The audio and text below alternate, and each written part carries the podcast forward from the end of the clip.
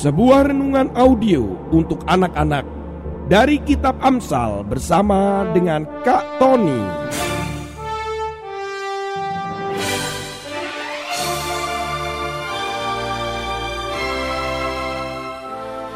Audio inspiring message for kids. Selamat menikmati dan mendengarkan.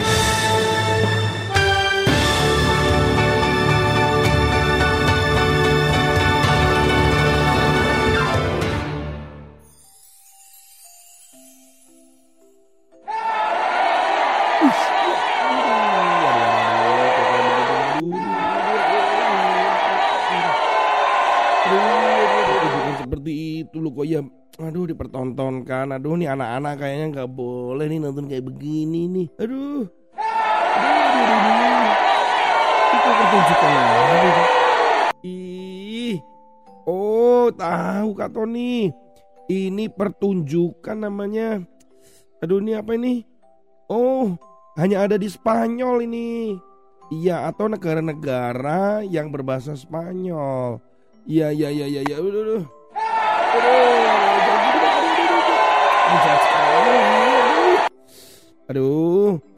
ini namanya pertunjukan ini dikenal dengan namanya matador. Ini, iya betul ini matador ini. Anak-anak, ini namanya pertunjukan matador ini. Waduh, ini terkenal dan biasanya dilakukan di Spanyol atau negara-negara yang berbahasa Spanyol. Nah, pertunjukan matador ini sekarang ini sudah kurang ada peminat tidak seterkenal pada tahun-tahun yang lalu. Pertandingan antara manusia dan banteng ini dikenal dengan matador dan dimulai sekitar abad ke-17. Dan pertandingan ini kalau kita tanya matador itu artinya apa? Ternyata pertandingan matador itu artinya pembunuh. Waduh. Matador artinya apa? Pembunuh. Waduh. Bayangkan sebuah olahraga yang mana olahraga ini pelakunya atau atletnya disebut pembunuh. Wah, mengerikan ya. Membunuh apa? Membunuh banteng. Secara singkat dan sederhana sebenarnya ada orang yang ada di situ, kemudian dia seperti membawa tongkat. Tongkat itu tajam atau runcing, di mana tongkat itu untuk menusuk si banteng. Nah, bagaimana untuk menusuk si banteng? Biasanya matador itu atau orang yang melakukan itu atau atlet itu membawa kain berwarna merah yang kadang disebut sebagai muleta. Kain berwarna merah itu dikibas-kibaskan. Dan si banteng akan melihat kain itu dan kemudian langsung akan menyerang si matador. Dan biasanya si matador akan mencoba menghindar terus demikian sambil menusukkan beberapa tongkat runcing itu ke tubuh si banteng. Banteng ini semakin lama semakin lelah dalam kemarahan, kemudian darahnya juga habis karena sudah banyak tusukan-tusukan di tubuhnya dan terakhir banteng itu mati juga. Tetapi dalam pertandingan-pertandingan itu tidak jarang matador itu yang mati anak-anak. Dalam sepanjang sejarah setidaknya lebih dari 40 orang matador telah mati terbunuh ditanduk oleh si banteng itu. Seorang matador yang memenangkan pertandingan menjadi seperti seorang selebritis. Uang akan berdatangan, hidup mewah, dan mendapatkan tempat istimewa di Spanyol. Tetapi hari-hari ini tidak demikian. Tetapi tetap saja dikenal dan tetap ada kenangan, bahkan tidak jarang masih dilakukan pertandingan antara manusia dan banteng ini. Anak-anak, benarkah? Benarkah ini? Benarkah banteng itu marah ketika melihat kain yang berwarna merah? Nah, jadi kalau melihat warna merah begitu, wah, apakah benar nih banteng ini menjadi marah? Ternyata banteng itu buta warna. Nah kalau begitu kok warnanya merah ya. Jadi kalau kalian melihat matador, tapi sebetulnya anak-anak nggak bisa tuh nonton tuh karena itu membunuh binatang anak-anak. Ketika pertandingan matador itu dimulai, nah itu ada bendera warna merah. Nah, pernah dicoba warna-warna yang lain loh ya. Ah, memang ternyata banteng itu buta warna anak-anak. Kenapa? Karena pada tahun 2007 Discovery Channel pernah menyiarkan dan menunjukkan sebuah percobaan. Reaksi banteng itu terhadap bendera dengan warna merah, biru, dan putih. Kira-kira banteng itu menyerang yang mana? Orang pasti berpikir warna merah akan diserang seperti biasanya dalam olahraga matador itu. Tetapi ternyata tidak anak-anak. Mereka atau banteng-banteng ini malah menyerang yang biru dan putih. Bahkan bendera warna merah itu diserang yang paling terakhir. Percobaan kedua dilakukan dengan orang atau orang-orangan yang berpakaian warna merah, biru, dan putih juga. Apakah benar si banteng itu akan menyerang yang warna merah? Juga tidak.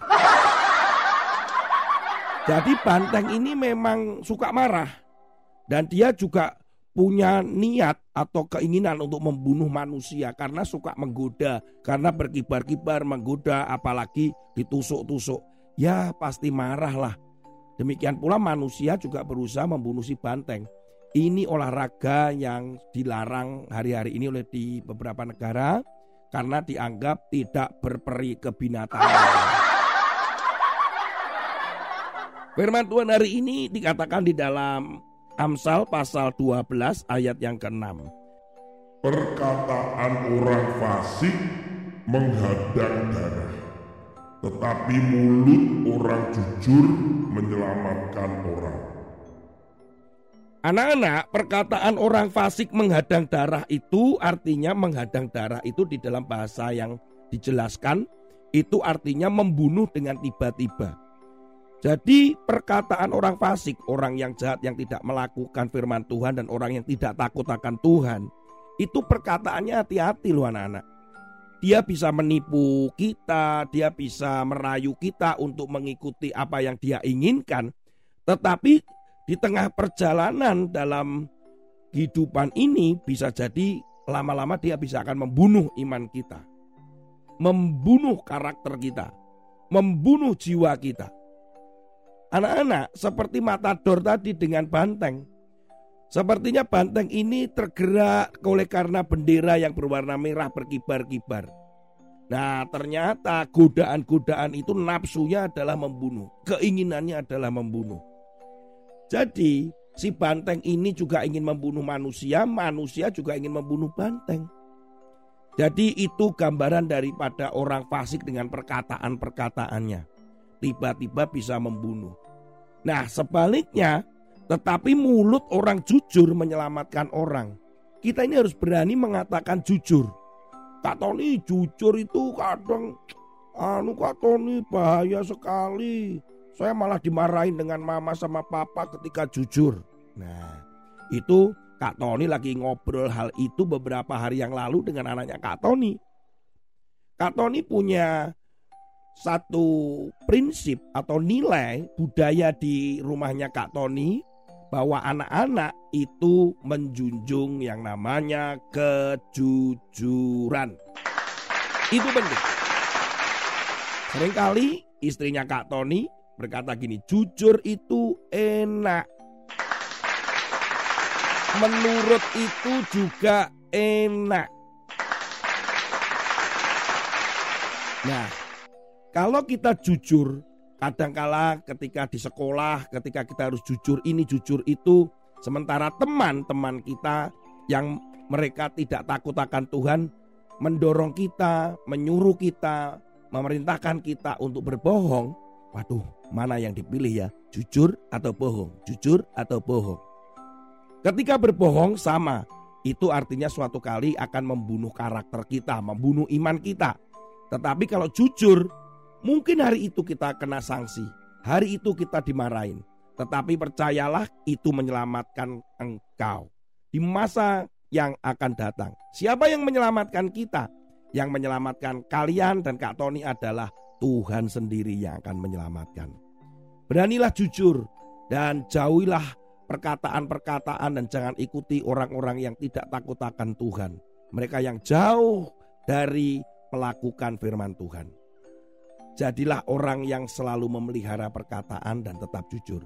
Tuhan Yesus memberkati. Sampai ketemu lagi pada episode berikutnya bersama dengan Kak Tony dan tetap semangat. Haleluya.